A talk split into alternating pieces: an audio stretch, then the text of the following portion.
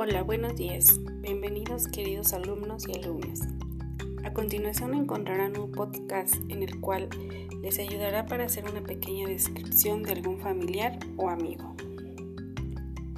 La descripción es un texto en el que se explica cómo es una cosa, persona, lugar, objeto, etc.